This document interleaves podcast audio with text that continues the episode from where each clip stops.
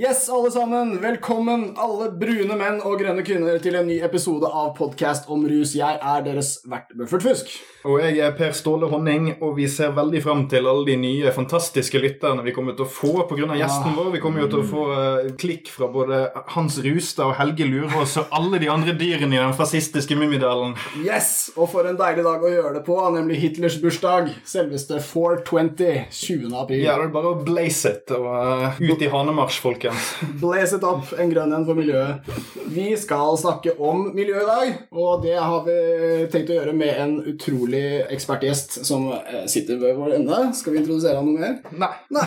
Eivind Tredal, Velkommen. tusen takk for at du ville komme. Takk, takk. Bystyremedlem og helse- og sosialkomitémedlem og politisk rådgiver, var det så? Ja, nå er jeg frikjøpt for det som heter eh, å være fraksjonsleder. Som bare betyr at jeg er den som Leder i utbrytergruppen. eh, Ja, nei, det betyr bare at jeg sitter i helse- og sosialkomiteen og er frikjøpt til å være bystyrepolitiker. Så nå er jeg fulltid i år. Og så neste år må jeg finne meg noe annet å gjøre. Ok. Men jeg gjør mye det samme, da. Jeg jobba som rådgiver på Stortinget for MDG, og nå sitter jeg for oss i bystyret. Det jeg Yes. tida. Vi grønne, vi er fans. Det er hyggelig å høre. Ja, Vi er jo rusprogressive, kan Ja. du kalle det. Det er det vi liker. Vi prøver å være apolitiske, tror jeg. Vi har ikke noe sånn veldig klar forankring, men når det kommer til rus og partier Mm. som kan litt om det, så er vi veldig myke. Det, det elsker vi. Jeg liker òg at du slår et slag for ikke-kondomdress-sykliste. Ja, nei, jeg måtte slette en tweet igjen. For jeg, jeg skrev en, eh, for lytterne en tweet eh, hvor jeg sa at eh, vi hverdagssyklister er det nødvendig å ha på seg kondomdress. Men da fikk jeg jo veldig rask respons fra mange av mine man skal si, folk som jeg er mest enig med på Twitter. Som sier at du ærlig talt, det er veldig nedlatende å si kondomdress, og dessuten er treningstøy veldig hyggelig, og det der er en dårlig ordbruk. Og da måtte jeg både beklage og slette tweeten, så det er lav terskel for når det kommer til så hyggelige folk som syklister. Ja, men respekt for det. Ja, Altså, da men jeg mener at jeg har eksempel sykla nå i vanlige klær, og det mener jeg selvfølgelig er en viktig eh, Det å lukte litt svett, det er jo også viktig Norsk kjerneverdi. En norsk kjerneverdi, ja. Og også miljøkjerneverdi. Jeg har jobba med Fredrik Hauge, jeg vet at det er klart vi skal lukte svette. Det liker folk. Det andre liker det. Eh, men eh, så bra. Jeg syklet i studio i dag, Eivind. Mm. Er du stolt av meg? Det er veldig, veldig bra. Yes. Ja, du er en helt. Takk. Men jeg mener jo at man er et bedre menneske når man sykler, og det mener jeg ikke at andre er, men jeg vet at jeg er det. At når jeg kjører bil, så blir jeg utrolig mye mer sur, grinte, kjefter på folk rundt meg. Det er en sånn type Jo, men tegn på at kroppen din eh, støter vekk bilen, da, så det kan hende at du bare Det tar hensyn til er en fysisk prosess. Det er som et sånt hvitt eh, blodlegeme. Som, eh, ja, det, det er noe der òg. Nydelig. Eh, og så har vi da dette åpningsspørsmålet vi gjerne stiller til våre gjester, og det er jo veldig åpent. Eh, hva er ditt forhold til rus, Eivind? Ja, det, det personlig så er jeg jo eh, en fyr som eh, av og til liker å ta meg en øl. Så jeg er jo en eh, helt normal nordmann på den måten. Så jo, driver jeg jo med ruspolitikk i byen eh, og sitter på, eh, sant, i helse- og sosialkomiteen. Vi skal jo nå komme en ny rusmelding i vår eh, for Oslo, og liksom, så det blir jo mye sånn akademisk forhold til det. Vi sitter og studerer statistikker, og vi har vært i Zürich og sett på ting der. Vi skal til Portugal snart. Eh, men så er det selvfølgelig sånn som alle andre mennesker, og så personlig forhold sånn I oppveksten på Sørlandet hadde vi jo mye folk som sleit med rus. Ja, ja. Eh, mange vi kjente. Det var mye hasj, mye sånne ting. Så alle har vel den type hva man skal si, at man kjenner til det fra før av. Men jeg tror nok det også har påvirka litt eh, hvor jeg har gått politisk. fordi jeg er jo glad for at vi er ganske progressive der, da. Mm. Og ønsker en litt annen politikk enn det som har vært ført, som har fungert dårlig. Så det var vel en, eh, en slags sveip Ja, ja. over ja. Det, bra. det viktigste. Ja, og så er det vel, det er vel også kanskje en egen type rus, det å ta en eh, 14 dagers togtur gjennom Europa og hisse på seg omtrent samtlige Nei. av Norges verste mennesker. Det er egen ikke det. sånn- Ja, det er en egen rus, men klart at det deilige med å ta en lang togtur og er at du kan sitte og drikke vin og se på film nesten hele veien. Så er klart at vi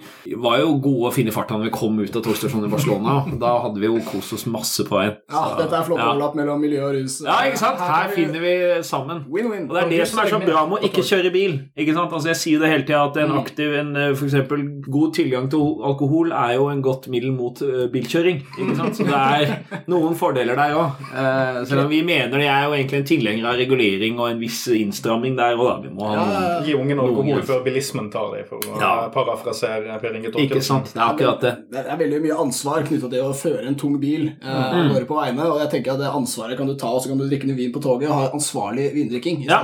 Absolutt. Ansvaret. Jo, men altså det å jeg, jeg vil innføre transittøl For det er jo på flyplassen er det jo veldig legitimt å ta seg en øl når man skal fly. Mm. Men jeg har begynt nå når vi var på Bergensbanen i helga, og da syns jeg det å ta seg en øl i kafévogna føles Det er sånn transittøl, og så ser det ut av vinduet på landskap som flyr forbi. Det er ganske deilig, altså. Fortelle skrønene til australske turister. Ja, sånne ting. Yeah, here in Norway we don't, you know, this, the trolls are behind the mountains there. Ja, det er mye som kan You have to eat the codfish. The codfish Yes. is great. Ja, this is news, you have to try it. Among... Og ølprisene almost 100 kroners. Yeah, well, very expensive. 100 kroners for a beer, huh? Incredible. How is it in Japan? Oh, it's the same. Okay, well, anyway.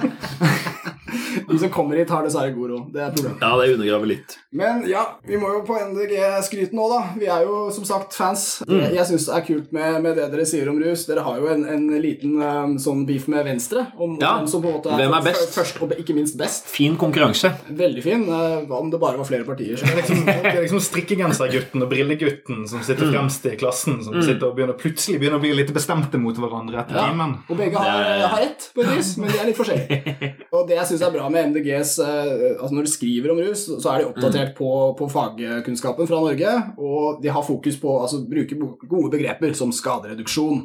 Og jeg fant også ut at dere snakket om streng regulering, som egentlig, vi har vært inn på det her i podkasten før, er den eneste aktuelle modellen for Norge. Altså At vi skulle hatt noe frislipp eller noe sånt, det hadde passa veldig dårlig med kultur. Ja, Vi er jo et land for streng regulering av det meste. Ja, Og jeg er jo Jeg merker at det har gått under huden. At Hvis jeg er på et utested, og det er nå begynner det å bli lenge siden jeg, For jeg liker å gå tidlig hjem fra byen, for jeg blir så trøtt så fort. Men Ja. hvis jeg er på byen, og det er stengetid, og de sier noen folk med øl, så tenker jeg det er nok fornuftig. Det er, er noen smarte folk som har tenkt på det. Fordi altså, sånn, Noen rammer må det være. ikke sant? Da blir ikke jeg sur og står på barrikadene. Da tenker jeg bare ja, det er nok på tide å gå hjem. Ja, ja, det er, Ja. jeg også Sånn tror jeg sånn- nordmenn er jevnt over. Får ikke kjøpe øl etter klokka tre på Kristi himmelfart. Ja ja, det er vel Det blir vel for dumt hvis vi skal kunne bare drikke når og hvor vi vil. Det går Ja, ikke. går Det ut- skjønner vi jo sjøl òg. Så går det utover vår Herre. Altså, Ja, det står jo svart-hvitt i Bibelen Mm. når Jesus skulle springe opp til himmelen og sa farvel til sine disipler, Ja. så sa han også Fint at dere ikke har en sånn fyllefest nå med en gang. Vi hadde nattverden for bare to måneder siden når det var. Ja, ikke, ikke Ja. drikk og ha oppstandelse, liksom. Dere kan helle en liten uh, 40 on the curb for Ja. meg, deres døde bro Jesus. Men husk at jeg lever ennå. Sånne ting sa Jesus. Ifølge noen av de apokryfe skriftene. Men uh, ja, og vi har jo eh, kristne tradisjoner i Norge, så det synger etter. Mm. Og kanskje står de også litt i veien for eh, smart ruspolitikk. Uh, ikke. Ja, altså det er jo den eneste i Oslo bystyre faktisk som eh, For det er ganske interessant i byene, vil jeg si, at Norge er veldig lite splitta, i hvert fall i Oslo, og delvis i Bergen, tror jeg, på på en måte ruspolitikken. Så det er jo bare han ene fra KrF, Erik Lunde, som for øvrig er en kjempehyggelig og flink fyr, Ja. eh, som er liksom ganske restriktiv. Eh, og så er det kanskje to i FrPs gruppe på fire. ikke sant? Og, og Carl I. Hagen, for eksempel, han satt jo i rusutvalg med Thorvald Stoltenberg på et tidspunkt. Ja, ikke sant? Så han er blitt kjempeprogressiv og er egentlig helt med på alt. Så, så du kan si i Oslo bystyre har jo et dundrende flertall, minus han ene hyggelige KrF-eren, da, eh, vært for en mye mer progressiv eh, ruspolitikk lenge. Og det er jo gøy. Det viser jo liksom, altså det er jo aldri så samstemt harmonisk stemning som vi diskuterer rus Nei, i eh, bystyret. Yes. Eh, og det er jo hyggelig. det er en herlig utvikling. Men det sier også noe liksom om forskjellen på by og land og andre ting. Altså det, er, det er liksom interessant, da. Og så kan du si på en måte Det er jo vi i byene som ser det mest, kanskje. I hvert fall narkotikaproblemene. Eh, så det burde jo kanskje resten av landet ta clou, da. Til eh, landets, eh, eller landstedenes forsvar, så er det jo Når du er på bygden, så er det mye tydeligere de få som har et problem òg. Ja. Altså, da blir det mer et slags sånn community-spørsmål. Sånn her, å, skal vi tillate dette? Skal de, Mm. skal de måtte vannsmekte? Sant? Så det blir fort litt mer brutalt. der. Ja, sånn- jeg husker at det var I gamle dager så var det ikke vinmonopol i Tvedestrand. Eh. Det, var, det har vært to fakkeltog i Tvedestrand. Den ene var mot Irakkrigen, og den andre var for vinmonopol. Det, er- er ikke helt sant, det har vært mange, men eh, også for grendeskole. Men det var de to jeg var med på, i hvert fall. Ikke for å sette fyr på Nei, Vinmonopolet. nei, nei, men det var for Vinmonopolet. Dette er jo den ukristelige kyststripa nord i Aust-Agder. Der er det ikke så mye bibelbelte. Men da husker jeg med Vinmonopolet at du måtte bestille fra Arendal, og så kom det med skyssbåten, ikke sant? Med liksom sånn merke som 'den skal til den familien'. Ja. Så da var det veldig Jeg jeg husker ikke om det var så fryktelig streng sosial kontroll, men det var i hvert fall veldig synlig for alle som skulle på båten, hvem som fikk hvor mye vin hjem. Ja, ja. Så jeg blei sånn Ja vel, er det fest i helga? Ja, ja. Jeg kan Og er ikke invitert? Ja.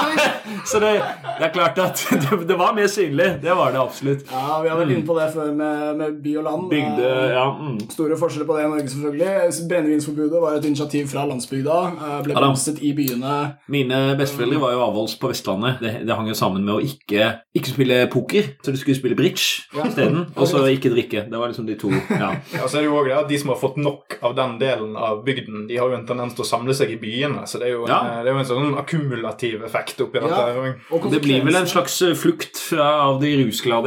ja. Ja, ja visst, og man rømmer jo til byen for å få med seg kultur, Mm. som f.eks. rus, men konsekvensen av f.eks. tung rusbruk er veldig annerledes på bygda òg. Hvis det Ja. er en bygd hvor det er, bor 20 familier, og så er det én som går til grunne pga. rus, Mm. så blir det noe veldig annet utslag. da. Ja, Og så har de én barnevernsstilling fordelt på fem kommuner. Altså det, er, det, er, det er flere ting liksom å Og så må de kjøre bil mellom de kommunene. Ja, det er skandale. Stort transportbehov. Nei, men uh, vi ser jo faktisk en litt motsatt tendens. Jeg vet ikke om det er like sterkt nå, eller om det har vært inne på det før, men det er også interessant at i hvert fall i Tvedestrand så har jeg hørt om at flere har flytta ned med rusproblemer fordi du får jo mye lavere husleie.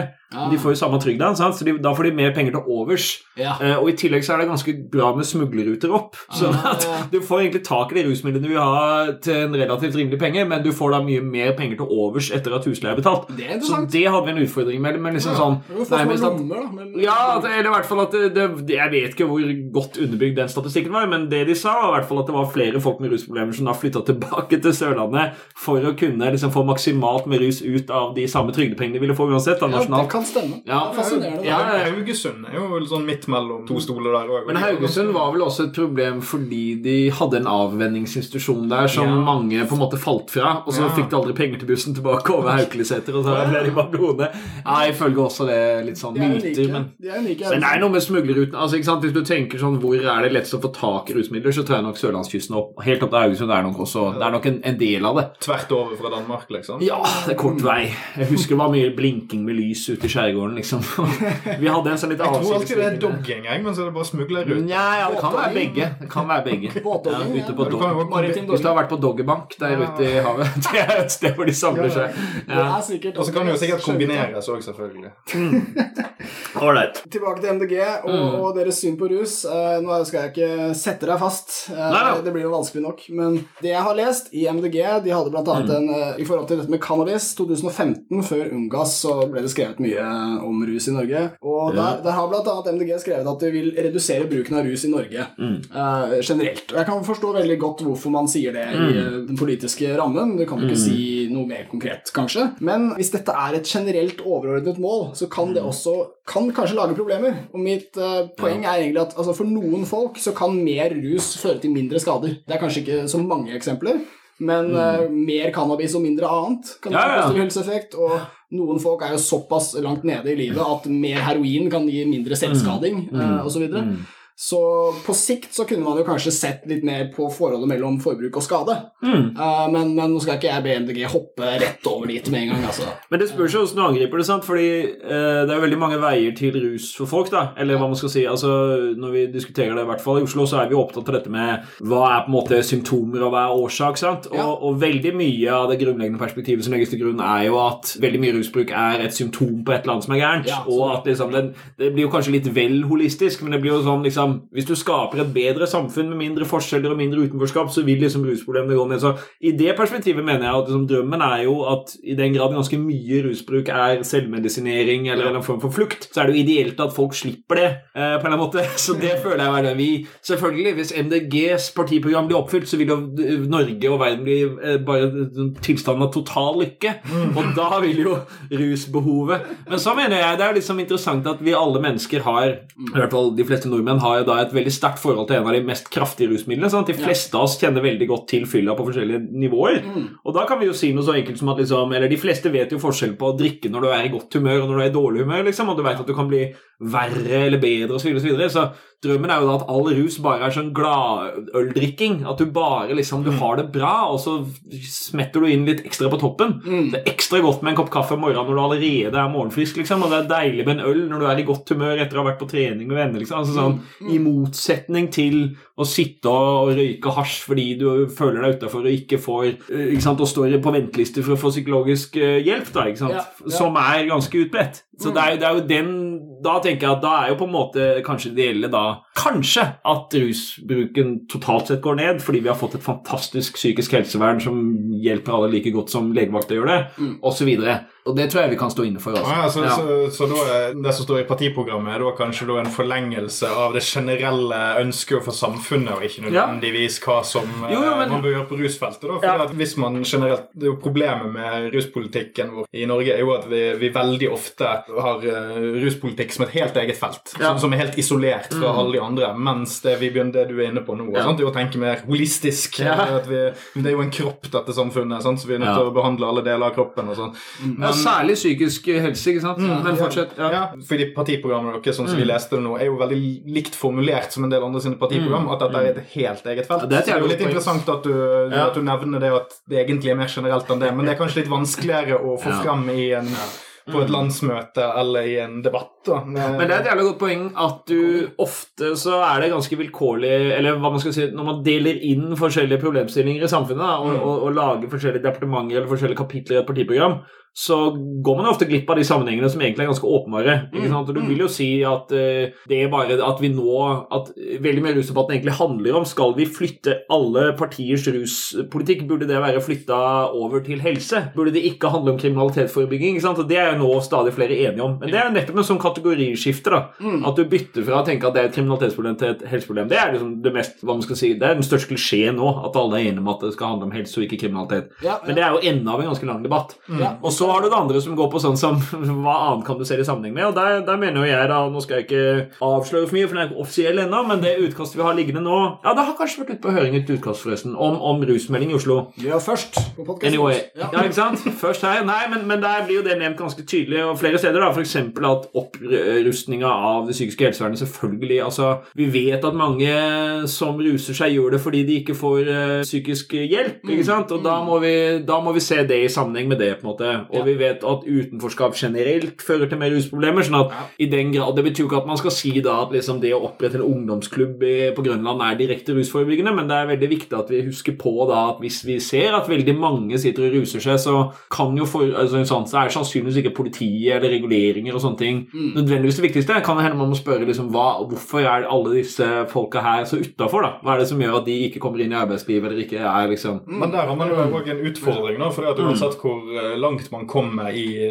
den nye helseproblematiseringen, Ja. så har man jo fremdeles dette spørsmålet om kriminalisering, avkriminalisering, legalisering. Ja. Fordi at så lenge man har dette kriminelle elementet her, så vil jo en del av russektoren være forbeholdt justis. Ikke sant? Uh, Ja, det, og og der mener jeg det er interessant hele den diskusjonen om reguleringa, og det var vi litt inne på i stad. Altså, jeg tror misforståelsen ofte er at Visen, da, for eksempel, som MDG, mener at vi bør ha regulert om, streng regulert omsetning av narkotika, altså lettere narkotiske stoffer. da, snakker vi om cannabis i hovedsak, da, det kan jo være andre ting, men jeg tror ikke aftamin kommer helt altså Det er nok litt for hardt, liksom. Men uansett, ideen, eller eh, psykedelika, altså LSD, det, det er jo det Venstre har diskutert nå, da. Ja. Det er en vanskelig avveining òg, ikke sant. Skal fleinsopp være en regulert substans? Men det, det er jo sånne helt konkrete ting vi faktisk må diskutere på et eller annet tidspunkt. Ja. Men i hvert fall med cannabis, da, så tenker jeg da streng regulering det betyr jo ikke nødvendigvis at man ønsker mer rus. ikke sant? Det betyr jo bare at man ønsker akkurat den samme. altså Jeg tenker da at jeg syns det er bra at vi har en streng regulering av alkohol, fordi det er, det er jo helt banalt, men det er nesten en én-til-én-forhold med tilgang og forbruk. altså.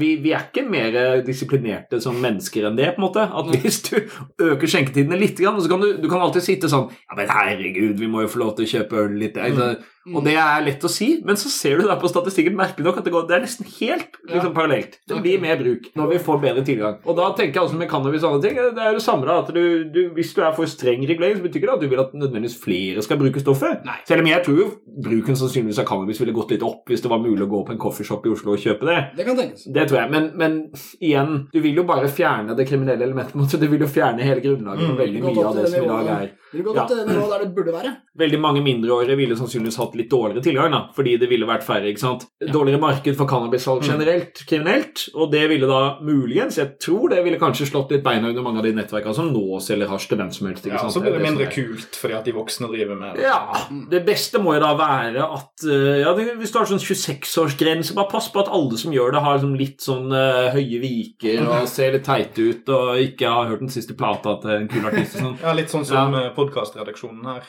Ikke sant? Ja. Ja, eh, Bare gjøre gjøre cannabis teit, eh, så har vi det gående. Men eh, eh, akkurat angående dette med, med tilgang og sånt, det er jo sånn vi har snakket om her òg. Spesielt det der med å ta alkohol ut fra dagligvarebutikker, f.eks. Utvide polordninger for flere pol, f.eks. Ja, ja. sant? Altså At det heller er lettere å finne et vinmonopol enn at det skal være øl på hver eneste Ja. hjørnebutikk, f.eks. Men Den svenske ordninga er jo veldig artig, syns jeg. Det er den mest formynderske av alle. Det at du bare får kjøpt sånn kjip øl. 3,5. 3,5, og det merker jeg også jeg har vært i Sverige og kjøper det folkeølet. så er det, de, er- det er, Jeg tenker hver gang dette er genialt, for jeg blir så lite tilfredsstilt av den 3,5-øl.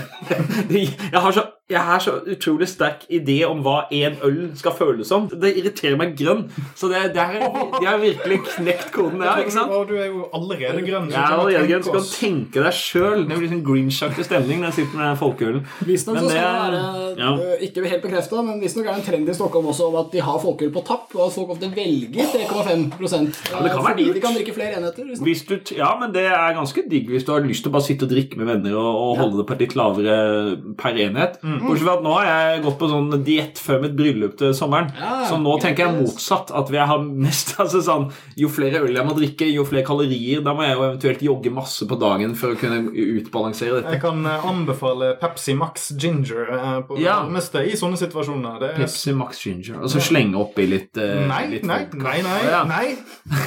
Nei! Ja, men jeg har lyst til å kose meg. Jeg koser meg. Jeg har hørt at anoreksidrikken er sånn vodka med noe sånne light Ja, ikke sant? Et eller annet brus. Kjempemye kalorier i vodka. Jo, jo, men sammenligna med annen alkohol, da, hvis du først skal bli full Ja, nei, vi, vi går tilbake til dette forslaget til Venstre. For da Ja. det, Nå skal jeg, skal jeg prøve å si noe litt køddete. Altså, de, Oi, de, de har jo et litt sånn komisk konkret forslag med LSD skulle være på polet, katt skulle være på polet, og cannabis skulle være på polet. Det er jo tre morsomme grupper eh, som ikke kanskje overlapper så mye. To veldig forskjellige, eh, tre veldig forskjellige ting, egentlig. Da Ja. fikk du på en måte psykedelikafolket kunne få LSD-en sin. Du kunne Mm. Kattfolket, det er jo stort sett folk fra Øst-Afrika og sånn. Mm. De kunne fått den, og så har Kavis er liksom hele gjengen. Vi dekka ganske mye. Ja. Det er et artig lite utvalg. Men jeg hadde tenkt å foreslå for MDG, fordi vi har jo noe som heter Bicycle Day. Jeg vet ikke om du har hørt om dette i psykedelika-miljøet. Det er en, en feiring av LSD, fordi eh, han som oppfant LSD, Albert Hoffmann, han, Ja. eh, når han tok sin første LSD-tripp, da tok han jo altfor mye, eh, og han måtte komme seg hjem. Han bodde da i Sveits, dette var 1942, så det var ingen bil tilgjengelig. Han måtte da bruke sykkel. Han, så verdens første syretripp, det var da en fyr på sykkel som prøvde å komme seg hjem. Og det er jo illustrert veldig romantisk at han koste seg og sånn. Det var ikke tilfellet. Han ble rullet på en sykkel av sin assistent. Eh, hadde det helt jævlig. Eh, Men dette har ført til at eh, om det er 16. april eller 19. april hvert år, så har man Bicycle Day, hvor en hel haug med syrehuer hele verden Dette var i går eller for fire dager siden. Du har liksom glemt Jeg har glemt datoen, ja. Ja, Ingen videre kommentar om eh, det? Jeg feirer det ikke, som dere skjønner, men, men da er det en gjeng med syrehuer som sykler rundt og feirer liksom sykkel pluss LSD. Så jeg tenkte det var en fin overlapp. Kanskje noe for MDG. Ja, altså Det er i hvert fall sant at eh, For dette går det mye diskusjon om om det er en promillegrense på sykkel. Ja. Og jeg mener at Mm. For der er det ennå uenighet, men jeg mener stadig at det, det er visstnok ikke egentlig ulovlig å være ruspåvirka og sykle. Nei, ok. Ja, for Nei. Er, det, er det ikke motorisert kjøretøy? Jo, jeg tror det er det. Nå må jeg ta forbehold om at det kan hende jeg tar feil. Men jeg, for sikkerhets skyld så sykler jeg selvfølgelig alltid. Ja, men er men sykling Segway er forbudt, men ikke sykkel. Ja, Segway. Segway Ja, er det ikke rart at narkomane har altså finsykler òg? Der, der investerer de penger, altså. Det er det fine. Det er veldig Det bra. ser òg veldig ut som den jeg mistet for en uke siden. Ja, jo, ikke sant? Men allikevel. De De har sett deg sykle forbi, så tenker jeg nå skal jeg, nå skal jeg spare inn. Nå skal jeg ikke ta skuddet et par dager. Ikke kjøpe en samme sykkel. Veldig fine bikkjer òg. Ja, de er flinke på det. Men vi er ikke rusmidler bør det være lov å sykle på? Ja, for jeg har jo ikke prøvd så mange, så jeg vet jo ikke. Jeg altså, antar at cannabis er uh, greit. Fordi, Sykle sakte ja, sykle rolig bortetter. Jeg husker at jeg og, jeg. og min uh, forlovede land hadde jo en sånn Vi var på en kødden stemning en sommer hvor vi hadde vært uh, ute på bygdelen. Så fant vi Prøve å sykle så sakte vi klarer hjem, for det er så deilig vær. Og det er en ganske morsom øvelse. Ja. Supersakte sykling.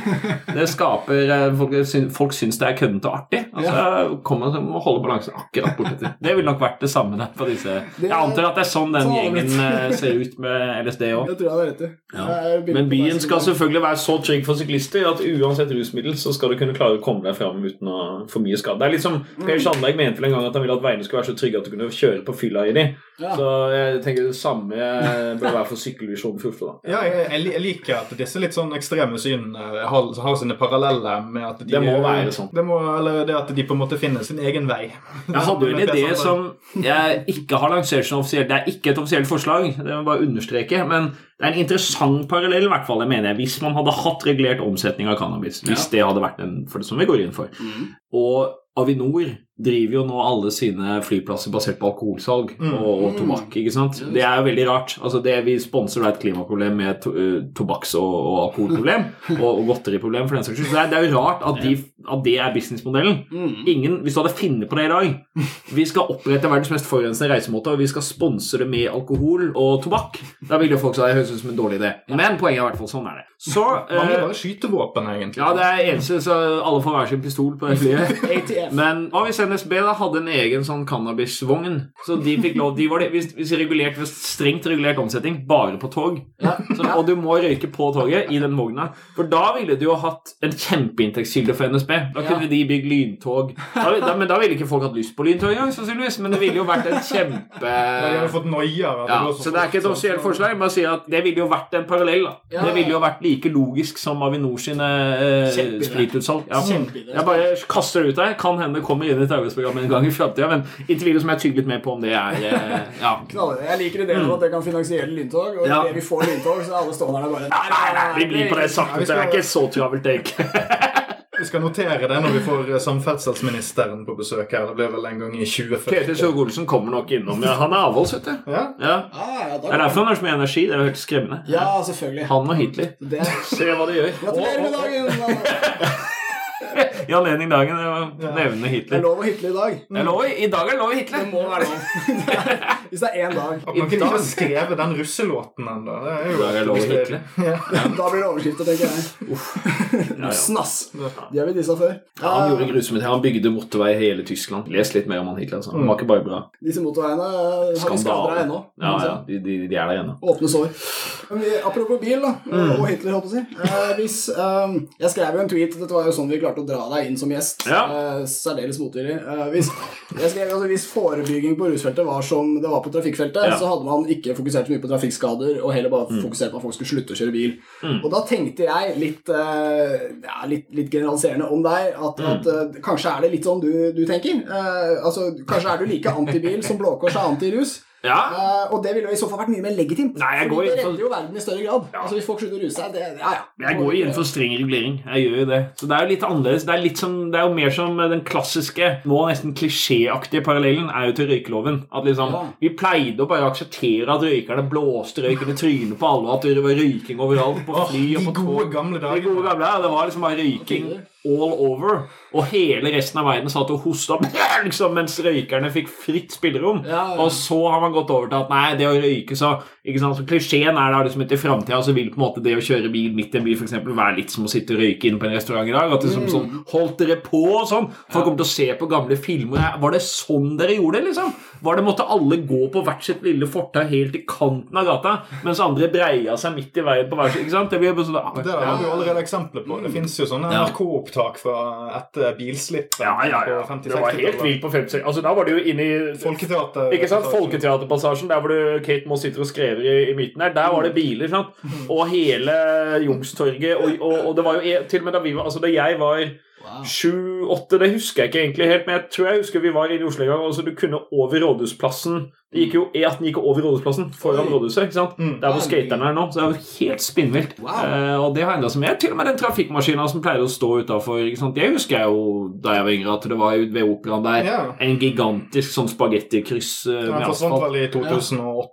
Ja, den er, den er ikke så lenge siden den forsvant, men allerede, en, allerede nå føler jeg at sånn Hallo, what? Var det, ikke sant? Når du ser på gamle bilder. er Så sant. vi er på vei vi er på vei i riktig retning der. Problemet er jo at det har blitt altfor mye plass for at Christian Ringnes skal drive og hive ut disse kitsch-figurene sine over hele byen. Ja, altså Ja. er Kate Moss-tatt nå. Ja, det er han som har de Ja, greiene. og så eier han denne He-Man-tigeren som står nede Ja. på Jernbanetorget. Han har mye rart der, altså. Ja. Men samtidig, jeg må si jeg liker altså, Vi var som parti, for eksempel, før jeg ble med, så var MDG mot den Ekebergparken. Og jeg er oppe der nå Odd er jo helt nydelig. Jeg elsker det. Så jeg er full støtte til Ringnes. La han sette ut flere kvinner. Det eneste er at det er ganske vanskelig å onanere der oppe. Altså. forhold Vi ble lova en runkepark, men det er jo ikke noe særlig Ja, for det var, de tok bort mye skog. Ja, det ble egentlig litt vanskelig igjen. Ja, Ja. Etter alt det snakket om runkepark, spør jeg meg bare jeg, jeg får ikke lyst til å runke når jeg går der opp. Det er nydelig, men det er, det ikke det jeg tenker. Men kanskje det blir litt sånn Vinmonopol-runkepark da du går der, og så tar du med deg noen mentale bilder hjem. du, Du må heller eh, eh. Det er vel sånn det er, da. I Ja. runkebanken. så- Ja, få litt høy kultur i runkebanken. Endelig fikk vi tilgang til lettkledde kvinner. Eh, av Det av er det. det som er. Ringnes sin gave til Oslo. Men, Ja. eh, vi får litt av hans herlige kvinne. Nei, Men men det er jo også litt vanskelig å sette pris på kvinnekroppen når du tenker på Christian Ringnes. så Ikke sant. det- Nei, men ikke et vondt uh, ord om uh, hans uh, gavmildhet overfor for meg. Altså. Nei, jeg nei, syns den er fin, Jeg egentlig. har bare noen det ord, jeg, så det er bra det Ja, men da har vi en balanse her. Ja, Ja. det er fascinerende gøy å gjøre narr av det, men, men det var jævlig bra det det blei. Jeg er enig. Ikke bare så jævlig bra ut. Så takk for det. Takk for alle halstørklene. Takk, Kristian. Takk, Ja. Men også takk til alle oss som har drukket Ringnes-pils. da. Ja, Det ja, jo litt sånn, det er jo en gave til oss selv. Ringnes-pils er faktisk den er eneste ølen i Norge jeg tar aktivt avstand mot. Ja, For en forferdelig øl. Syns det er helt grei. Foretrekker faktisk Hansa. Eh, Den er god. Ingen lokalpatriotisme fra min side. Frydenlund også god. Hansa IPA er eh, veldig bra. Mm. Jeg må bare si det. Drikker ikke IPA. Jeg føler at det går sånn Det er sånn brain genius at liksom det går hele sirkelen. At starten pils, så er det IPA ble, ble, og brunt og Newcastle, men så kommer du tilbake til pils. Men jeg, når du går langt nok den veien, så er det pils igjen. Ja, når du har sittet og drukket fire sure IPA som er altfor Blir røten i magen Ja. Vi er så gira på pils i Norge, og det er mye, det er mye bitterhet i pils, og du blir litt tørst av å drikke pils. Ja, ja. Da drikker du mer pils. Ja. Dette, er vi, Ja. dette liker vi Det er det som er så digg. Ja. og så liker at det er litt harde bobler. Hva er det feil med det du sier nå? Jeg forstår ikke hva det Nei, for. Hvor er problemet? Ja, så rusliberalisten er avslørt i Ja, podkasten. anyway. Ja. mye annet godt øl òg, eller noe sånt. Nei, det er ikke mye vi går glipp av. Det er helt greit. Eh, vi kan ta litt mer her. Eh, ja, ok. Da kaster jeg ut en, en, et spørsmål, um, siden du er en, en grønn mann som Ja. har peiling på det grønne. Hvorfor er, eh, Eivind, hvorfor er den grønne bevegelsen altså, tradisjonelt positive til bruk av sånne alternative rusmidler? Litt sånn naturlige rusmidler. Er det fordi det er hippier? Er det, Det er er- det flere ting? Det er nok sosiologisk mest at det er liksom sånn Det er den type folk, på en måte. Det sprang litt ut av hippiebevegelsen og ut av Altså i hvert fall kan jeg si, I andre europeiske land og, og de landene som har grønne partier, så er jo de ofte springer allerede ut på 70-80-tallet. Ja. Grünen i, i Tyskland og sånn. Og så kan vi si at SV og delvis Venstre tok opp mange av de velgerne i Norge. Så på en måte så var jo mange av de samme frikerne da i de etablerte partiene i Norge, og så kom de grønne etterpå. Men det er en del av den samme bølgen, så det tror jeg det henger nok mer sammen med at de rusmidlene som kom som en del av den motkulturelle bølgen som, som også brakte miljøsaken inn da, på 70-80-tallet. Så det er mer sånn konvergens enn at det egentlig er en uh, sammenheng. Men uh, så er det jo også noe sånn med menneskesynet, tror jeg, da, eller en blanding av på en måte ja, vilje til å tenke nytt, og tror jeg at den, eh, at den rusen på en måte Eller cannabis har jo vært forbundet litt med den kulturen rundt uh, hva man skal kalle det. Forbudte tanke. Ja. Hamproduksjon, ja. Men jeg, jeg, altså, det er ikke noen intellektuelt logisk direkte kobling, føler jeg, sånn sett. Nei. Man kunne vært super eh, liksom mot all liberalisering av ruspolitikken og kjempemiljøengasjert, og jeg, da. Mm. Det fins det jo folk i partiet som er òg, Ja. men de er jo i dundrende mindretall. Men det, men det er ikke noe sånn det er liksom et, I mine øyne da, et standpunkt som kommer mer i tillegg til liksom som en sånn naturlig følge av eh, miljøpolitikken for vår del. da. Det er liksom bare noe som har vært med i eh, partiets eh, sjel. Ja, nei, men jeg, kan, jeg kan sette veldig pris på det. For jeg Ja. føler at det er, altså Venstresiden har jo denne kollektivismen, der, Ja. der høyresiden har mer individualisme. Og, Mm. og vi har jo renliberalistiske partier, Frp er jo notorisk dårlig på, på narkorettighetsgreier. Ja, de er ikke noe glad i det. Jeg kan sette mye mer pris på, på litt sånn kollektivt perspektiv på, Mm. på hva vi burde gjøre, og, og da også komme til f.eks. cannabis ille. Men der er jo vi også, ikke sant? For jeg, Rødt, eksempel, jeg vet ikke hvordan de er nå nasjonalt, men i Oslo så har de tradisjonelt vært veldig altså no, ganske rusrestriktive. Ja. Og ganske mot mye av det. Begynner å tø litt opp nå. De tør opp nå, jeg tror det er noe de rister av seg. Men det var nok en mer sånn gammel tankegang om at rus eh, liksom underkurer Det er opium, opium er opium for folket, sitt. Nei, men altså ideen om liksom at eh, Rus eh, var jo et problem for arbeidere og viktig å få liksom eh, ja. Men det er jo en interessant viderekobling man kan ta i moderne tid. Da, for Ja. at I disse industrielle samfunnene man så den kritikken kom fra, så var det Mm. jo òg steder der folk hadde veldig få rettigheter, og man hadde en enorm sterk alkohol som var ute på markedet, og Ja. folk, folk hadde god grunn til å drikke. Mm. Så det- Hvorfor vi har ikke jo-? Nei, men Vi har jo kritisert bl.a. Mimir Kristiansson for eh, å ikke se de poengene der. Da. At, det å, at det kan være en, en del av, som du nevnte tidligere, altså folkehelseperspektiv. Dette Mm. her med å ikke altså At man, man ser heller at det er ikke nødvendigvis noe du kan isolere vekk til bare en rusting. Det er måten Mm. markedet presser på deg andre rusmidler på. Og det å åpne opp for det kan være et uh, sosialt uh, tiltak. Altså vil jo jeg påpeke, i forlengelse av det du sa, Buffert, om, om kollektivisme så, så Det er jo også en forskjell på grønne partier, at vi ikke springer ut av den tradisjonen på samme måte. Altså, Ja, Vi har jo ikke de røttene, på en måte. Det er jo mer en sånn uh, hva man kaller et postmaterialistisk perspektiv. Ja, ja. Som statsvitenskapen Jeg er jo statsviter, da. Men, eh, men eh, at man ikke direkte kommer ut av liksom, arbeiderkamp og den eh, økonomiske venstre-høyre-aksen, men også har andre perspektiver. Så, så det har nok også en del å si for den mer sånn individualistiske linja vi har på en del sånne ting. Men så mener jeg da, som vi også var inne på, at det er jo ikke direkte et individualisme versus kollektivisme-spørsmål. Det er jo også en sånn type Ja, ja, da, hvis du snakker folkehelse, så snakker du egentlig om kollektive løsninger. Da, om liksom, Hva er det beste for folkehelsa eller for folk liksom, innafor den velferdsstaten vi har? Er det å la politiet jage narkomane, eller er det å forebygge mer? Er det liksom, er rus egentlig krise, liksom?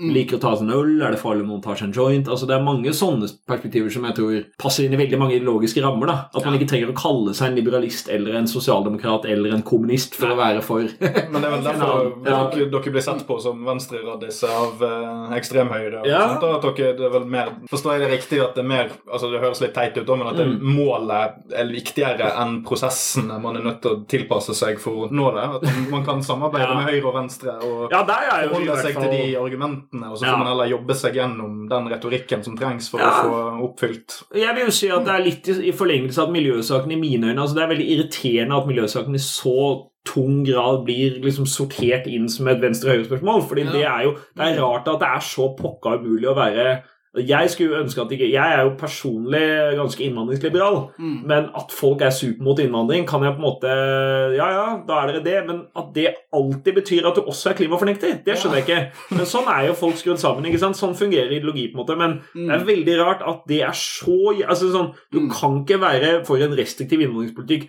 og for liksom en avgift på plastposer. Det er liksom, det, det er bare hei, og det, Jeg skjønner ikke hvorfor det er sånn, eller jeg skjønner hvorfor det er sånn på et sosiologisk Sånn fungerer folk, men det er jo noe vi burde tenke over. Det samme gjelder litt på rusfeltet. at det, Ja. Må du ha dette ene perspektivet på rusmidler bare fordi du mener at eh, vi burde fjerne formuesskatten, liksom? Må det være to sider av samme sak? Og det tror jeg ikke nødvendigvis. Ja, for Det er jo en Ja. litt sånn kognitiv dissonans mellom det at du tror ikke at på global oppvarming, men Mm. likevel så flytter det folk til Norge fra uh, varme land. Ja, har vært med det. det, har vært med det. Hvorfor flytter de hit hvis det blir varmere? hæ? Ja, det hadde vært jævlig fint om den sammenhengen ikke var så sterk, kanskje. Men det er, det er uansett en sånn tankegang ikke jeg med nå, og det ser vi jo litt i Oslo. At når du først liksom debatten har kommet langt nok, da, når man har lagt frem alle argumenter, og folk ser liksom det mer sånn Ja, hvor det faglige, ganske entydige faglige anbefalingene ligger, eh, så ender jo nesten Så er plutselig Carl I. Hagen eh, mer eller mindre enig med ikke sant, eh, oss, da, for eksempel i ruspolitikken. Ikke fordi at han nødvendigvis har latt seg overtale oss, men fordi han har sittet i et utvalg og hørt på fagfolka og møtt de narkomane sjøl, og så ja, ok, eller de rusavhengige, som vi kaller det, men, men liksom det er rett og slett Ja, skal være nøye på det. Ja, det var fint.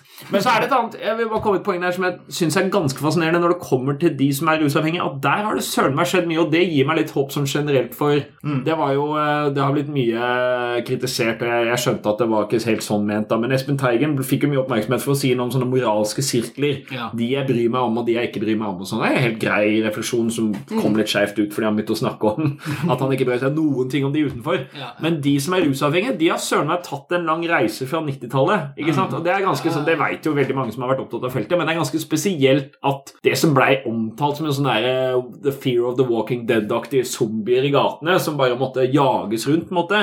Nå er det bare Petter uteligger og gode Det er liksom ingenting som er triveligere enn en eh, rusavhengig som man kan klemme, liksom. Det er bare sånn De altså. må vi ta vare på, og det mener plutselig alle.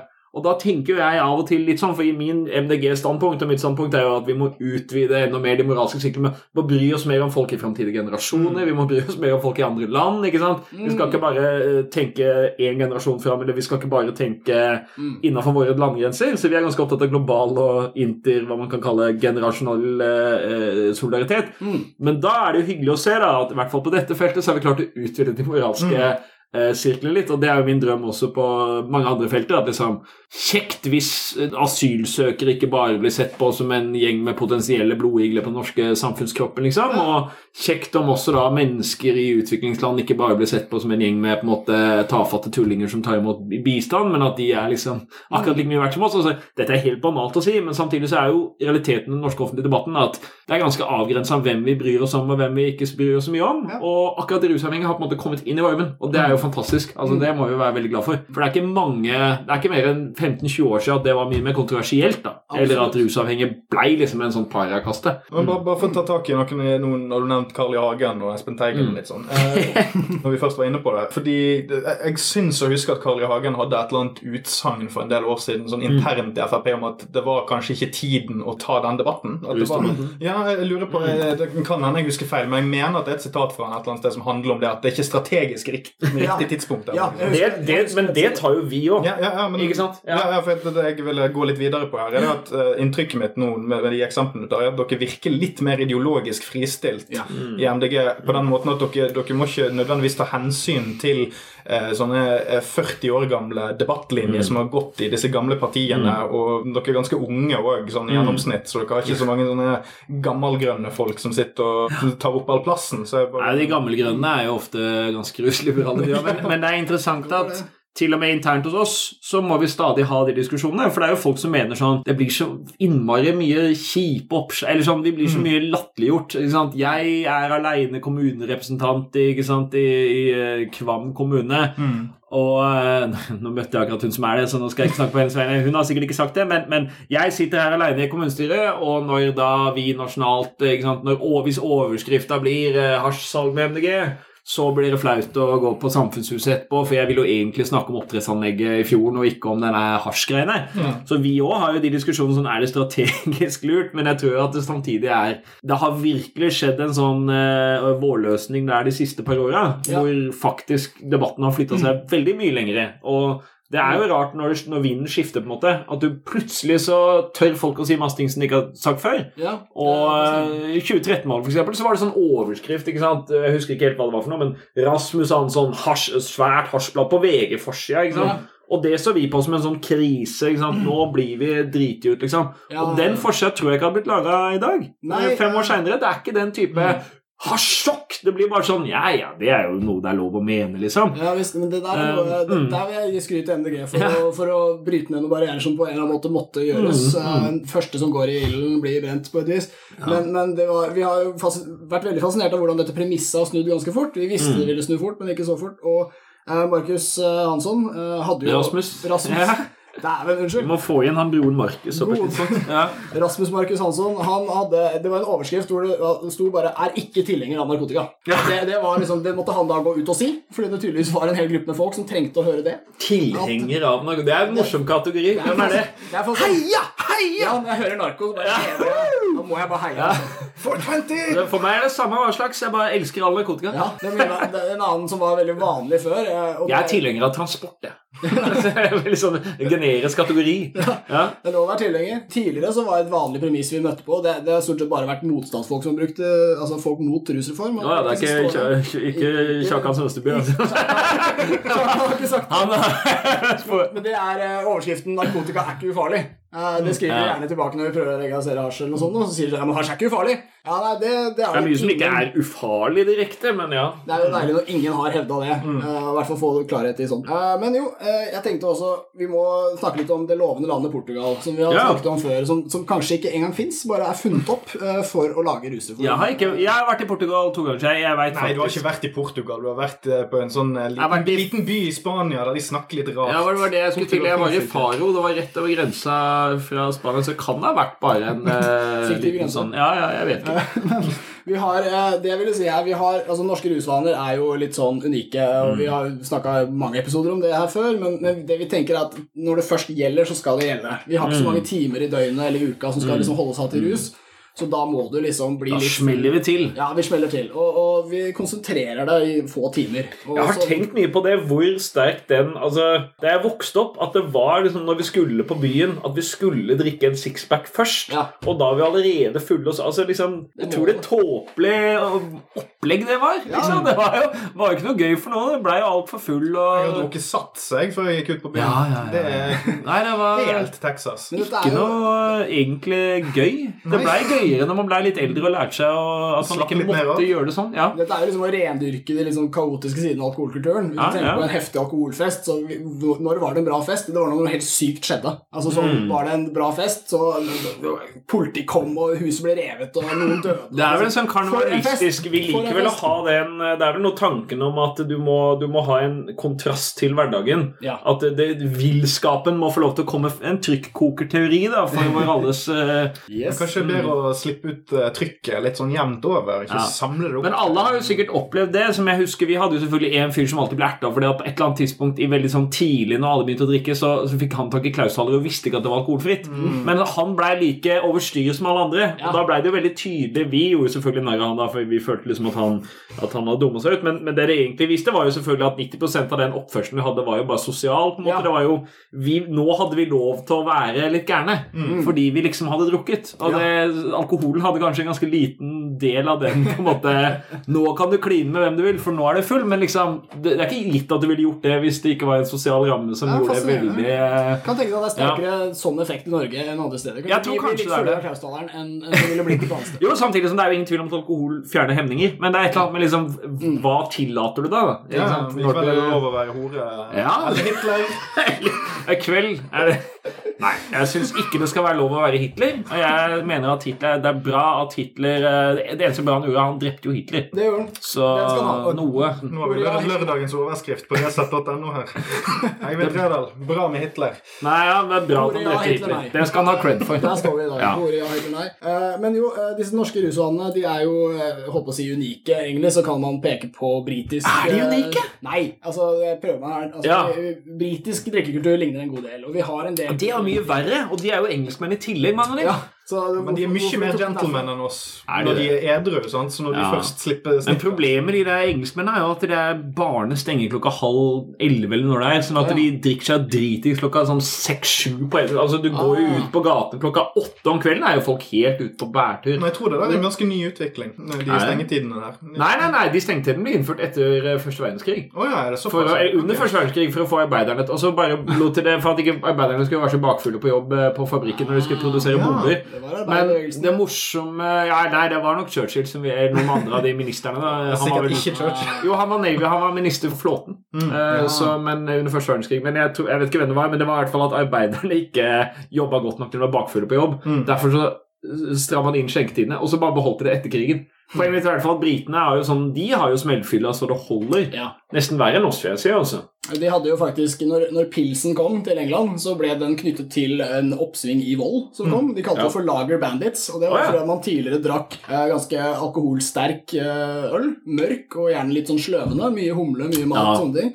Og når han da begynte å Du drikke ikke på, du blir ikke sånn fyrt opp av en Guinness. Nei. Du blir tung i kroppen. Men vi har, altså, Norge har eh, disse rare rusvanene, og de kommer mye fra de britiske øyer, tror jeg. Men det er mange land vi ikke ligner så mye på, og Portugal er et av de. Ja. Så når vi nå skal ha Portugal tilbake dit, eh, modellen på norsk Bra at du er streng. Jeg er det. Eh, så Men rettferdig. når vi skal lage Portugal-modellen på norsk, så er liksom spørsmålet om det blir eh, Portugal på norsk eller norsk på portugisisk. Det blir nok det første, altså. Ja. Vi har jo et, en fersk erfaring med dette. Og det er jo eh, den såkalte kontinentale drikkekulturen som vi har fått i Norge. Ja. Den har jo bare kommet i tillegg til Ja. det norske. Det har jo ikke kommet noen kontrast. Den endret jo ikke. Nei, Det vi ingen måte. Vi bare mm, kan drikke vin i hverdagen i tillegg til smellfylla i helga. Uhyre trist, Ja. men sant. Eh, For, for mine tanker om hva vi kunne endre, så er det litt sånn kjipt. Ja. Ja, og så har vi hatt en litt rød tråd eh, hver gang Portugal har blitt eh, debattert i offentligheten. Jeg tror at Portugal... Vi prøvde å ha en, en liten debatt om det her mellom oss to. Mm. Eh, og det vi har på en måte merket oss, er at folk er veldig på det der å kontekstualisere sin egen forståelse av Portugal-modellen, Mm. samtidig som de òg legger frem sin egen forståelse av norsk ruskultur.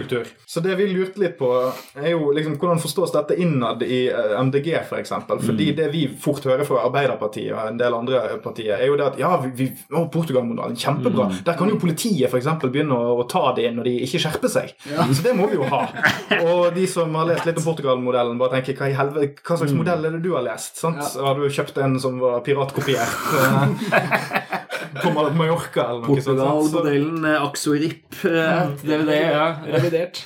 Det er, eh, men, vi har, eh, bare for å ta et par eksempler altså Vi har ting som Portugal ikke har, f.eks. Vinmonopolet. Og hvis vi skulle hatt en ny modell, så hadde vi ikke kutta Vinmonopolet. Det tror jeg veldig få tar til orde for. En annen ting er at i, i Portugal har de ikke den sprøytekulturen vi har for heroinbruk. Eh, Er det mer røykekultur, det? ja, og det er også noe som er veldig utbredt i hele Europa. Altså, Det er mye vanligere å røyke det enn å bruke sprøyte og skyte det. Men det vet dere kanskje at Oslo har jo et eget program for å få folk over på røyking. Ja, og det er knallbra. Ja. Knallbra. Visstnok eh, veldig dårlige data, men visstnok så skal det være sånn at eh, 90% røyker heroin i Europa, og 10% bruker sprøyte. I Norge ganske omvendt. Mm. 90% sprøyte. Så der er det veldig stort potensial for å få ned overdosedødsfallene hvis vi får dem til å bytte. Uh, samtidig så, så åpna Portugal for sin eh, reform i 2001 bl.a. for å få bukt med et, en utvikling der flere og flere begynte å velge sprøyte. Og de fikk eh, økning i overdosetallene. Og, sånn. og nå har de klart å bremse rekrutteringen til sprøytebruk, og det har ikke gitt så store utslag på deres eh, overdosestatistikk som det ville gjort her.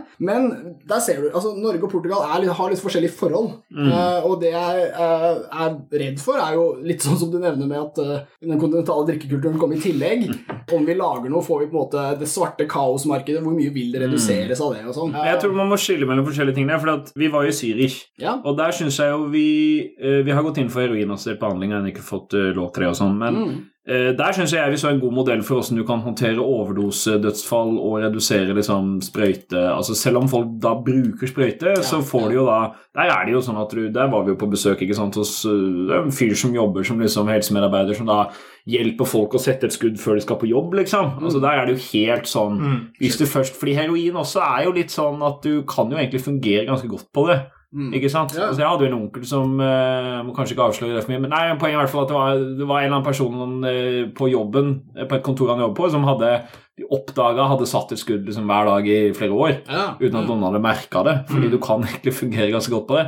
Og det er jo poenget sånn For å få ned overdosedødsfall, så tror jeg det er en vei å gå som har lite med den Portugal altså det avkriminaliseringsopplegget å gjøre. Sånn. Det er mer sånn hvordan kan helsevesenet da eventuelt legge til rette for at noen vil være avhengig av heroin, men ikke egentlig trenger å bli kriminell av den grunn. Ja, Ikke sant? Og der, der har du Og så har du den andre delen som er sånn Hva skal de gjøre med omsetting og altså det hele liksom Mm. Nå har jo ikke vi vært i Portugal ennå, det kan hende jeg kommer til å lære noe der òg. Det hadde jo vært en ekstra fordel. Men det mitt inntrykk er da at det går jo mer på liksom eh, du forholder deg til det illegale rusmarkedet, på en måte. Eller hvordan du tar tak i det.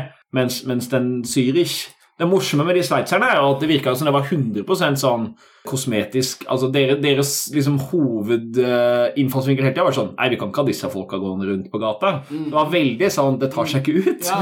Men, men det det faktisk leda til, var jo at de hadde veldig gode sprøyterom og, og denne heroinassistert behandling-prosjektet og sånn, som tross alt var veldig humant. da. Mm. Selv om det var liksom rent sånn eh, samfunnshygienisk på en måte Som har vært motivatoren i Oslo veldig lenge. Det er jo Ja. veldig fort at man skal altså Vårsleppen her er jo å Ja. kjeppjage eh, Ja. narkomane fra én gate og så litt lenger østover, liksom. Det var jo den klassiske 5080 Nyhetskanalen-saken om eh, den narkomane som endelig slutta på heroin etter å ha blitt bedt om å flytte seg 50 meter. Jeg bare, Nei, dette gidder jeg ikke. Da, Ja, da slutter jeg med heroin. Det skal være sånn. Faen, det er bra satire. Ja, den er god. Jævlig fett. Men, Men så det, dere har ikke en sånn konkret formening om eh, Portugal-modellen ennå, som dere liksom Eh, går ut med? Er det sånn å forstå, eller? Eh, Ja, det er vel litt i tråd med det vi har i programmet nå, på en måte. Nevnt Avkriminalisering og Så, så sånn Så disse komiteene er ikke noe dere har noe Nei, altså det er jo jeg Det var jo mitt forslag nå, hvis jeg ikke husker feil, at, at komiteen skal ha det til Portugal. og også det til Zürich. Å, ja, nei, men, jeg mente De har jo sånn ruskommisjoner i Portugal-modellen, der du blir hentet inn for sånne bekymringssamtaler. Og ah, ja, ja. Fram, eh, Informere om hva Ok, for mye er det, du, problem for deg, kanskje blir hentet inn senere. Mm. Uansett så er det veldig mange separasjoner der før det blir eh, juridiske konsekvenser, og det blir det veldig sjeldent.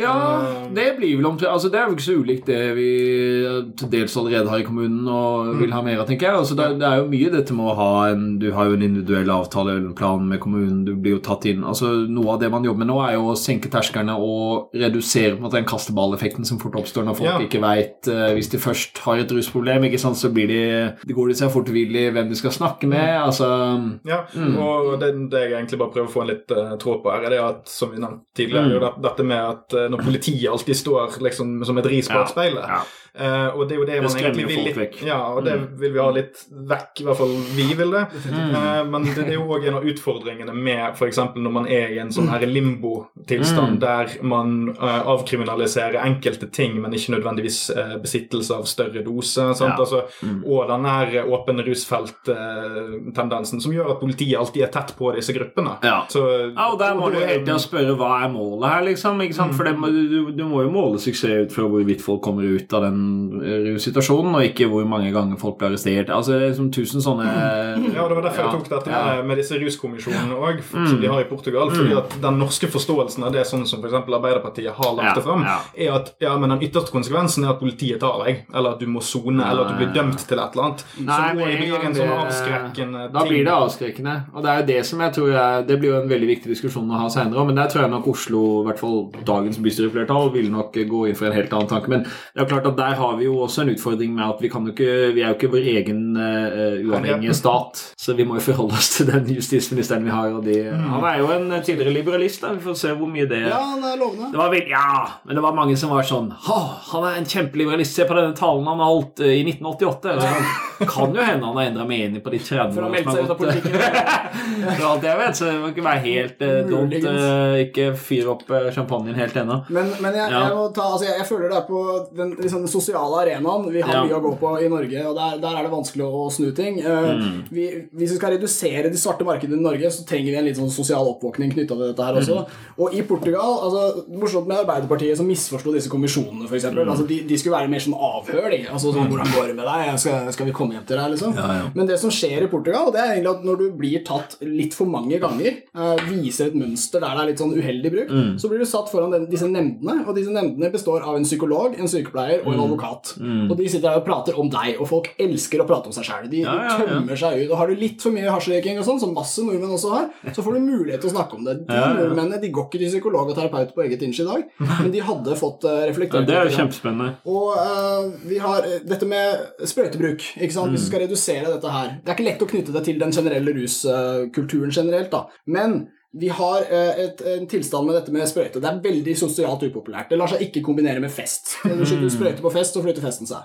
Uh, jeg er sprøyteskrekk, så jeg ville ikke likt å være på den festen her. Og det, er, eh, og, og, og det er positivt på mange måter. Sprøyte er virkelig ikke bra. Men det betyr at når du velger å sette et heroinskudd, som alle fraråder deg å gjøre, stort sett, så er det veldig mye opprør i det. Altså, du melder deg litt ut av samfunnet. Du sier virkelig nei takk til hele dritten. Og eh, det er noe som tar lang tid å komme seg tilbake fra.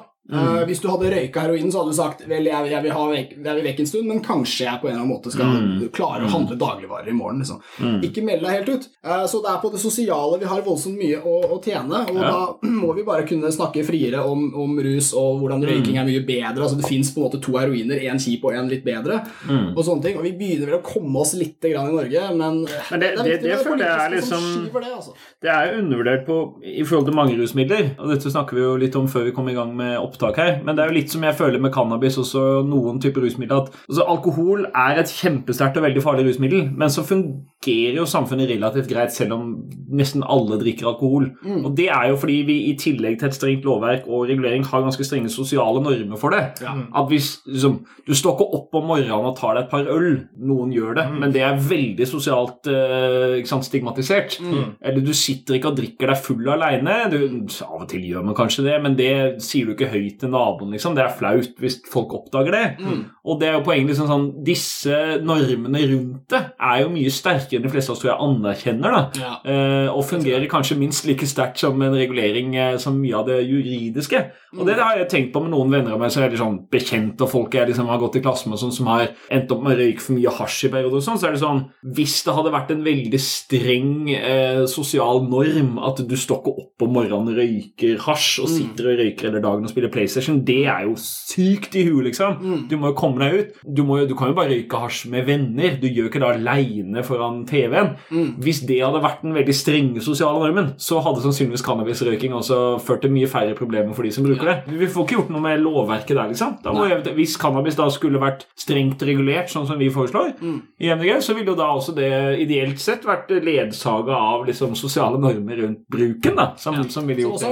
eh, man må jo passe seg litt for normer der òg, da. For at, Ja, ja. altså, det, er jo, det er jo den greia med at skam er vel egentlig kanskje det verste her. Så Ja, men skam funker jo jævlig bra, da. Det er Prøv å oppdra en unge uten å bruke skam. det kan, jo, kan, Litt skam. det kan jo godt hende at noen folk eh, drikker mer om morgenen enn det de burde Ja. gjort at de ikke tør å si det til andre at de drikker om Det kan være for eksempel, problematisk. Så det, det er kan, ofte det kan forsterke enkeltes problemer, og så kan det holde veldig mange mennesker unna. Ja. Men jeg, jeg vil jo si Men jeg, jeg skjønner poenget ditt. Liksom. Ja, fordi I det hele altså, er det nok positivt. Når nordmenn Hvis du skal studere hvorfor fungerer Norge økonomisk bra, så vil, og det har vært oppe i innvandringsdebatten, så er det sånn Hva er problemet med all den innvandringa? Jo, men de har ikke våre normer og vår kultur. Og hva er det vi snakker om da? Da snakker vi veldig mye om at de har ikke den indre pliktfølelsen og skammen, ifølge innvandringsmotstandere. da. Ja, ja. Så vil de si at jo, men de har ikke den skattemoralen de opp, ikke sant?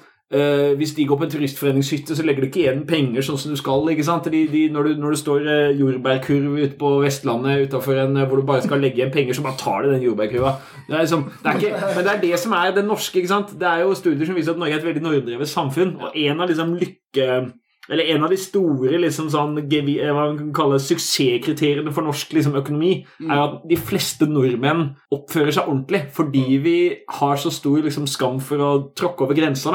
Mm. Altså, vi er veldig regulert av liksom, ideen om sånt gjør man ikke. Ja. Og det syns jeg er interessant. at liksom, I veldig mange spørsmål altså folk Jeg har blitt kalt en moralist på mange områder, men så mener jeg ja, men dette samfunnet her det går ikke mye rundt hvis det ikke hadde vært for all den strenge liksom, pliktfølelsen som vi alle føler for å oppføre oss ordentlig. Absolutt. Så det må vi også ta med oss inn i rusdebatten. Altså, Ja. selvfølgelig. Hvis, hvis det skulle vært lov til å røyke cannabis, så skulle det selvfølgelig vært like, like sterkt jernbuer av sosiale normer rundt den bruken som alle ting. Ja, for det er noe vi ikke får snudd i vår levetid uansett. Nei, Altså, nei. vi prøver å få ting til å skje fort her, men den er inngravert. Men det mener jeg er bra. Ja, det er fint at vi har normer for rus. At, har- at folk flest uh, har en indre demon som forteller dem at du må også passe på ikke hva vil naboen tro hvis jeg drikker for mye. Ja. Jeg tror det dessverre også er liksom, Det må til. Ja, altså, men det, det kan ha en negativ side. Det har, det har i det minste mange positive sider, og, og det jeg vil påpeke Vi kritiserer jo norsk eh, alkoholkultur, selvfølgelig, men dette er jo det som er kulturen. Ikke sant? At vi har sosiale normer knytta til denne bruken. Men så kan du snu på det da, selvfølgelig og si at skammen da, at det er noe av det attraktive med rus, selvfølgelig.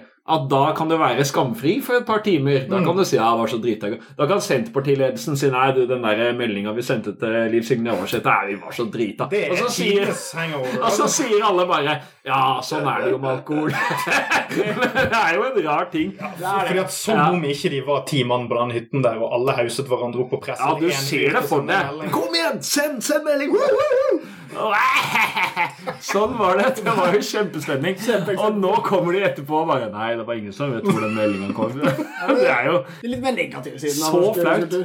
Men, men Tenk at de, det er, Hvis du ser den bilderekka, alle er menn 50 Ja, ja, det er og de oppfører seg som en gjeng med 18-åringer. Det er jo helt en vilt. grusom sak. Eh, Men mitt poeng, noe av grunnen til at vi har en ruskultur rundt alkohol, er fordi den er lovlig. Så kan vi godt kritisere hvordan den kulturen utformer Mm. seg med normer og sånn, men når det var forbudt, så var den kulturen helt eh, kaos. Det var veldig mye mer skade skader og alt mulig. Mm. Og når vi snakker om cannabis og han som røyker aleine og sånn, så, så fins det veldig få retningslinjer. Og Ja, ja. Hvis det blir mer lovlig, så er det mye lettere å få de sosiale normene inn. Jeg husker det beste cannabis-sitatet jeg har hørt. Det hørte jeg altfor sent. Det burde vært sagt på ungdomsskolen. Men jeg lærte det av South Park, som snakket om cannabis. Og da sa Makes you a boring person, er det Nei, det? nei, altså får deg til å føle at det er greit å kjede seg. Ja, ja, ja. Det var et jævlig bra Og sitat. det er dritkjip side ved cannabis. Ja. Det er on point. Og når du det kjeder deg, så burde du tenkte på. en tegning og lære deg noe. Sant? Gå en tur. Da, Det er da du ikke Men jeg husker jeg så den, for jeg har aldri vært noen stor sånn cannabis-type. Men jeg har jo kjent mange folk som har røyka seg litt vekk i 20-åra, liksom. Og da, tenkte jeg det er akkurat det! Ja. Så han, liksom, Kompisen min sa faen kjedelig han var det året hvor han bare satt og røyka, liksom. Det var jo ikke gøy å treffe han da. Og denne Samberg-episoden handler jo også nettopp om at de sliter med å si sannheten om cannabis. Ja, ja. Fordi hele episoden handler om at da foreldrene til den ene i Sapak leier inn en sånn fyr som spiller han i fremtiden, som blir junkie. Derfor burde du holde deg Mm, unna drugs. Og helt på slutten så buster jo han dette her, og så sier faren det var, Grunnen var bare at vi, vi, vi, cannabis får deg til å synes det er greit å kjede deg. Og så sier han det skulle jeg faen meg ønske dere hadde sagt før. det er jo det viktigste som blir sagt i hele episoden. Hvorfor kan vi ikke bare si det? Det, vi være, det skal øverst opp i Vi fikk oss tilbakemelding på at rusundervisninga i Oslo visstnok er litt dårlig ifølge ungdommene. Jeg vet ikke om de bare tøffer seg, eller hva det er, men jeg tror det er sant. Den er, Så- den er stort sett drevet av politiet, og det er sant. veldig farlig. Så det er jo et budskap som burde utbasuneres til alle ungdommer. Hvis du har lyst til å bli et kjedelig menneske, så kan du godt røyke hasj. Men hvis du har lyst til å bli et morsomt menneske, Du burde heller Meld inn i MDG. ja, eller liksom uh, lær deg et eller annet. ikke sant? Uh, Ja. Få deg en hobby. Gjør noe, gjør noe spennende. Det Spill data, til og med. Kan hende du blir klok av det. Hør på podkast mens du spiller data, som er min Oh, yeah. foretrukne eh, aktivitet. Podkast om rus mens du spiller data. Det kan jeg godt gjøre. som ja. bare det. Mm. Uh, men vi- det er faktisk tilfelle at vi f.eks. på sexundervisning har kommet veldig langt Mm. i skolene. Der er det nå lov å ha pornostjerner som snakker om surprise buttsex og analer. Og, Jeg syns det nesten har gått for langt, uten at jeg vet helt hva det er. Men jeg husker mamma Nei, mamma jobber på ungdomsskole sa på et tidspunkt så hørte hun og tenkte at dette begynner å bli litt Ja, ja, men de har jo så mye porno der ute at Men de eh, jeg, jeg vet at Foreningen Tryggere ruspolitikk for ikke så lenge siden hadde et ypperlig informasjonsmøte om foreldre og rus. og Da prøvde man å få mange skoler til å spre dette her, og ingen av skolene sa ja. Fordi de vil ikke at vi skal snakke om rus. Og der er på en måte Mm. rusinfo litt der eh, sexinfo var på kanskje sånn 70-tallet eller noe sånt. Fortsatt, eh, da, da tok man nonner inn i klasserommene for å snakke om sex. Litt sånn er det når du putter inn en junkie som står og blir dirigert. Ja, altså Jeg skal jo gifte meg katolsk i sommeren, sannsynligvis. Hey. Og der skal vi, hvis jeg ikke husker feil, så får vi også en sånn samtale med en prest om dette med seksualliv. Ah, eh, og det er jo interessant da med en person som ikke får lov til å gifte seg, eh, og ikke som strengt tatt skal leve i sølibat. Eh. Jeg regner med at vedkommende har mye god info å komme med. Bra. Jeg gleder meg skikkelig til å lære om dette. altså. Hva er dette for noe? Nei, sorry, jeg ble satt inn. Jeg bare fikk litt bilde i hodet. Men eh, det jeg skulle si bare kjapt dette med skolen. Eh, nå har vi jo en sak i Oslo-skolen med Simon Malkenes, er det den heter? Malkenes, Malkenes. Malkenes. Der, der de har satt ut en prosess på han pga. at han har uttalt seg negativt om, eh, om, om elever, angivelig, men han var jo ganske anonymiserende. Ja, veldig anonymisert. Men, men for å knytte det inn litt til rusundervisning, så tror jeg det er en utfordring i skoleverket. fordi at siden skolene stort sett er kommunale, og det kommunale fremdeles er ganske sirumpete sirumpet og s- seigt på ting, så er det jo at du, du kan veldig fort avsløre deg som en underviser i f.eks. rusundervisning. Ja. Hvordan vet du så mye om disse tingene her? Men- men- og så, som- så kan du få ballen til å rulle, og da er det en masse institusjonell frykt. da.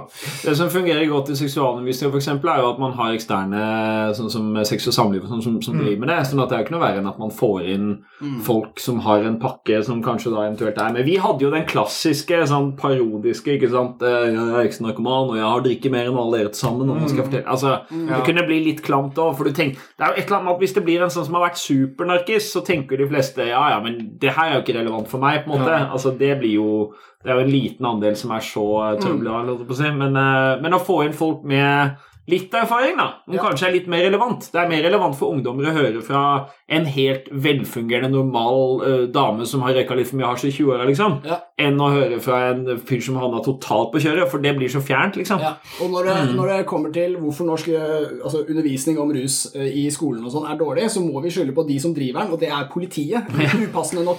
De er veldig dårlige på fag. De er veldig ofte sånn 'Jeg har vært på gata, jeg har har sett det med mine egne. Jeg snakka med noen folk, liksom. Mm. Og det, det jeg vet, er at nå har vi jo uh, Norsk Narkopolitiforening, som vi elsker å snakke dritt om. eh, men vi har også fått en ny forening i Norge som heter LEAP, altså Mm. Skandinavia. Law Enforcement Action Partnership. Patrol, ja, Er dette sånn, Det er liksom Erik Jensen Patrol. sin er sånn eh, Pegasus Rising ikke hva det eh, De er i andre enden av skalaen. Ja, Ja, det, er, det er en motsetning til NPF. De er for mm. ruspolitikk. Og da har vi jo en av våre faste lyttere, Bård Dyrdal. Halla, Bård. Eh, han er da en av de som har vært primus motor for denne foreningen. Og han har reist rundt, i hvert fall på én skole som jeg vet om, og har hatt et foredrag om rus, som er veldig bra. Eh, og det er da politiet som og snakker om rus, og så er det smart, det som blir sagt. Helt utrolig. Men det jeg hørte, var at da han møtte andre politifolk og fortalte om dette her, så var reaksjonen deres umiddelbart Hvilken skole var du på? For da skulle de reise dit og rette opp Du inntrykket. Og da viser det at de har eierskap til denne posisjonen. Eh, det er vi som snakker om rus, og vi vet hva vi snakker om. Vi har vært på gata og prata med folk. Så skal ikke vi tvinge deg til å snakke, si at snut er ut her? Altså. Nei, jeg, jeg, jeg syns jo vi har mange fantastiske politifolk. Men det er klart at på, det, det, er jo, det er jo sånn at uh, forskjellige profesjoner har litt forskjellige innfallsvinkler på dette her. Så i kraft av at altså, Når veldig mange politikere og politiske partier begynner å snakke om at det skal vekk fra jusfeltet, så er- innebærer det også at man mener at politiet ikke nødvendigvis er rett instans da, for å ta tak i hele problemstillinga. Liksom. Ja. Du vil heller ha en helsemedarbeider. Og det er jo deler av rusproblematikken, ganske store deler av rusproblematikken som, som politifolk aldri ser. Fordi Ja. de ser jo det mest ekstreme, på en måte, eller de som er mest utsatt. Ja. Og ikke nødvendigvis de som har litt hverdagsproblemer. Altså det, det mest relevante for en vanlig elev er vel helt normalt altså Jeg vil jo si at det er jo fint å bare lære litt om helt liksom, Mm. alkoholbruk og cannabis og ting som egentlig ikke er så fryktelig kriminelt eller farlig. Ja. Det det er ikke det at du dauer av det, men det kan jo være greit å være bevisst på det og det. liksom, og, ja. Ja. Men nå er det jo det viktigste som skjer. altså Ungdommen ruser seg jo mindre. Og det er jo i hovedsak på grunn av Nei, jeg vet ikke, men en, en, viktig, en viktig årsak er at det er stadig flere med muslimsk bakgrunn i Oslo. Så mm. det er klart den islamiseringspolitikken som vi fører i Oslo Vi er- ønsker å ja, få hele byen til å bli muslimsk, så det er viktig å understreke. Men På en snikete måte. Vi sniker det inn. Det går under radaren. Men målet er jo et eget kalifat i Oslo. Og da vil rusproblemene være så bortsett fra katt, være nesten helt borte. Du skal ta deg opp med han Ja. presten. Ja, jeg skal gjøre det, men det, jeg, har gjort jeg har jo tenkt å oppdra mine barn som muslimer. Jeg, kommer, jeg, er helt, eh, jeg er jo ateist, men jeg tenker det hadde vært fint om barna var muslimer. Og er nede på moskeen på fredager og ikke på byen og sånn. Ja, jeg Så er kjøpt dette, og jeg vil oppdra barna mine vegansk. Ikke sant? Så da er det pappa er jo ateist, han. Jeg kan jo spise mye gris jeg vil, Ja, ja. men det er fint om dere som muslimske barn Husk hva alle har sagt. Jeg, jeg har ikke peiling på hva han har sagt, men husk, dere har jo lest dette på mad madrassaen. Ja, men så, så jævlig bra. Jeg vil, Før vi rapper opp, eh, jeg vil bare gi deg et lite kompliment. Ja. Du har en jævlig bra presence på sosiale medier. Tenk om alle norske politikere hadde hatt dette her. Da hadde ikke mye blitt gjort. det hadde, nei, nei, om så rådgiverne tar og driver kontoen, men dæven, dette er jo demokratifremmende, for faen. Dette er jo noe av det beste sosiale medier. Men det er godt å høre at du sier. det. Kan, kan nå folk med tusenvis. Nei, Jeg er- mener jo det er viktig, faktisk. Ja, eh, Uten at man skal si at det er et tverrsnitt av Norges befolkning som er på Twitter eller Facebook. for den saks skyld. På Facebook er det et tverrsnitt, for det er jo som å ha et eh, personnummer. Det må jo være på Facebook. Men det er jo, mener jeg, ganske Du merker jo på de som nesten overhodet ikke er der, på en Mm. måte, for da får du jo ingen innspill. Mye ræl, men liksom du kan jo blokke folk. Mm. Men ideen om at du bør være eller annen fortløpende liksom, Jeg føler i hvert fall at jeg får ganske mye ut av å teste ut ideer, komme med utspill og liksom ha bare en sånn her slenge ut en mening. Mm. Og da er det jo veldig hyggelig hvis du da blir korrigert, eller noen har et godt innspill, og sånne ting, så får du jo bakt det inn da, i, i enten du skal sitte og skrive merknader, eller du skal skrive en kronikk, eller du skal gjøre noe annet fornuftig. Ja. Så det er veldig bra, tror jeg, om flere er flinke til å sånn, uh, ha kontaktflaten ute. Ja, da. ja, og kanskje er det det som fyller meg litt med håp også. For altså, jeg, jeg blir jo veldig glad når du møter et, et godt argument, og så gir du deg litt. Fordi det, er- det er ikke bortsett Men det er deilig. Politikere som sier 'jøss, for en god mening', det er, nå bytter jeg min. Ja, men Det, det syns jeg folk skal gjøre. Men det er også veldig frigjørende. jeg Ja, fint. når man tør å gjøre det. Ja. det, det jeg har jo tar nesten aldri feil, men når jeg gjør det, så er det Jeg pleier å si det til landet, så hver gang jeg tar feil, så er jeg sånn Ja vel, da har jeg tatt feil én gang. Det, nå, men eh, da er det veldig deilig å gi seg. For da du sånn Åh, jeg er fri. Jeg kan fri. bare si ja, jeg tok feil. Ingen skam, vet du. Nei, altså hjelper det jo å være i et uh, parti med litt sånn frimodig altså, fordi Det er noen som blir veldig dogmatiske. Det det er Mm. vanskelig å overtale noen til å endre mening hvis det står i partiprogrammet at de kan endre mening. Mm. Fordi uh, fylkeslaget fra Berg Trøndelag fikk gjennomslag på Men ikke sant? det er ofte sånn det er, da. Ja. Og det merker man jo hvis noen er et større parti, så er de jo bare ikke like fri til å mene hva de vil. Men eh, samtidig, særlig på rusfeltet, mye som har skjedd på kort tid. Og det gir jo håp på mange områder. ikke sant? Av og til så kommer ketsjupen ut av flaska, men så må man jo da, når man sitter der og rister i år etter år, ikke sant? for det er det folk som har gjort, så føles det litt håpløst. Ja. Det er jo ting jeg føler sjøl òg. Jeg skulle ønske at det var lov å si i Norge at vi burde legge ned oljeindustrien. Det er jo lov å si, Mm. men ikke uten at alle syns du er gæren. Nei, nei, Men da tenker jeg da at der var jo eh, cannabisstandpunktet for sju-åtte år siden. Eksempel, Så du må bare sitte og riste på ketsjupflaska, så til slutt så pff, kommer det ut. Det er mye gode politiske tendenser. Ja. altså. Yes, men da tenker jeg vi kjører på med vår sedvanlige avrusning. Avrusning! Hva er det vi har lært i dag, dere? Det er ikke småtterier. Nei, men eh, før vi snakker om hva vi har lært, så har jeg eh, fått en melding fra Syversen fra informasjonsavdelingen. Ah. Eh, og det er det at vi har vært litt lite aktive denne måneden her, som lytterne har fått med seg. Men det kommer en episode fredag om en uke. Dersom vi ikke blir påkjørt av trikken, så kommer det en ny episode da. Men, Og så kan dere jo selvfølgelig høre oss på iTunes og Soundcloud og alle podkast-apper. Det har jeg òg fått høre fra Syversen at jeg er altfor dårlig til å si. Det er Så mange apper der ute. Jeg kan ikke nevne det så mange. Castbox, for eksempel. Skal jeg finne det her på Pocket, Pocket Cast, som jeg bruker? Ja. Skal vi se om skal vi, Nå får vi en live-oppdatering om Eivind Trædal kan begynne å bli eh, abonnent på podkasten. Discover, Eller når man har podcast ned en ny app for å høre seg selv. Eh, Det er veldig eh, Når når du kan høre på deg sjøl, så blir du mye mer motivert. Podkasten Rus er kanskje den podkasten som har flest, eh, flest lyttere som blir regelmessig lytter av én episode etter at de har vært gjest. Ja, ja det, det er mange podcaster, men jeg tror vi er en av de Mm. som kjenner. Ah, yes, Avrusning, folkens. Hva har vi gjort i dag? Vi har snakket om MDG ganske mye.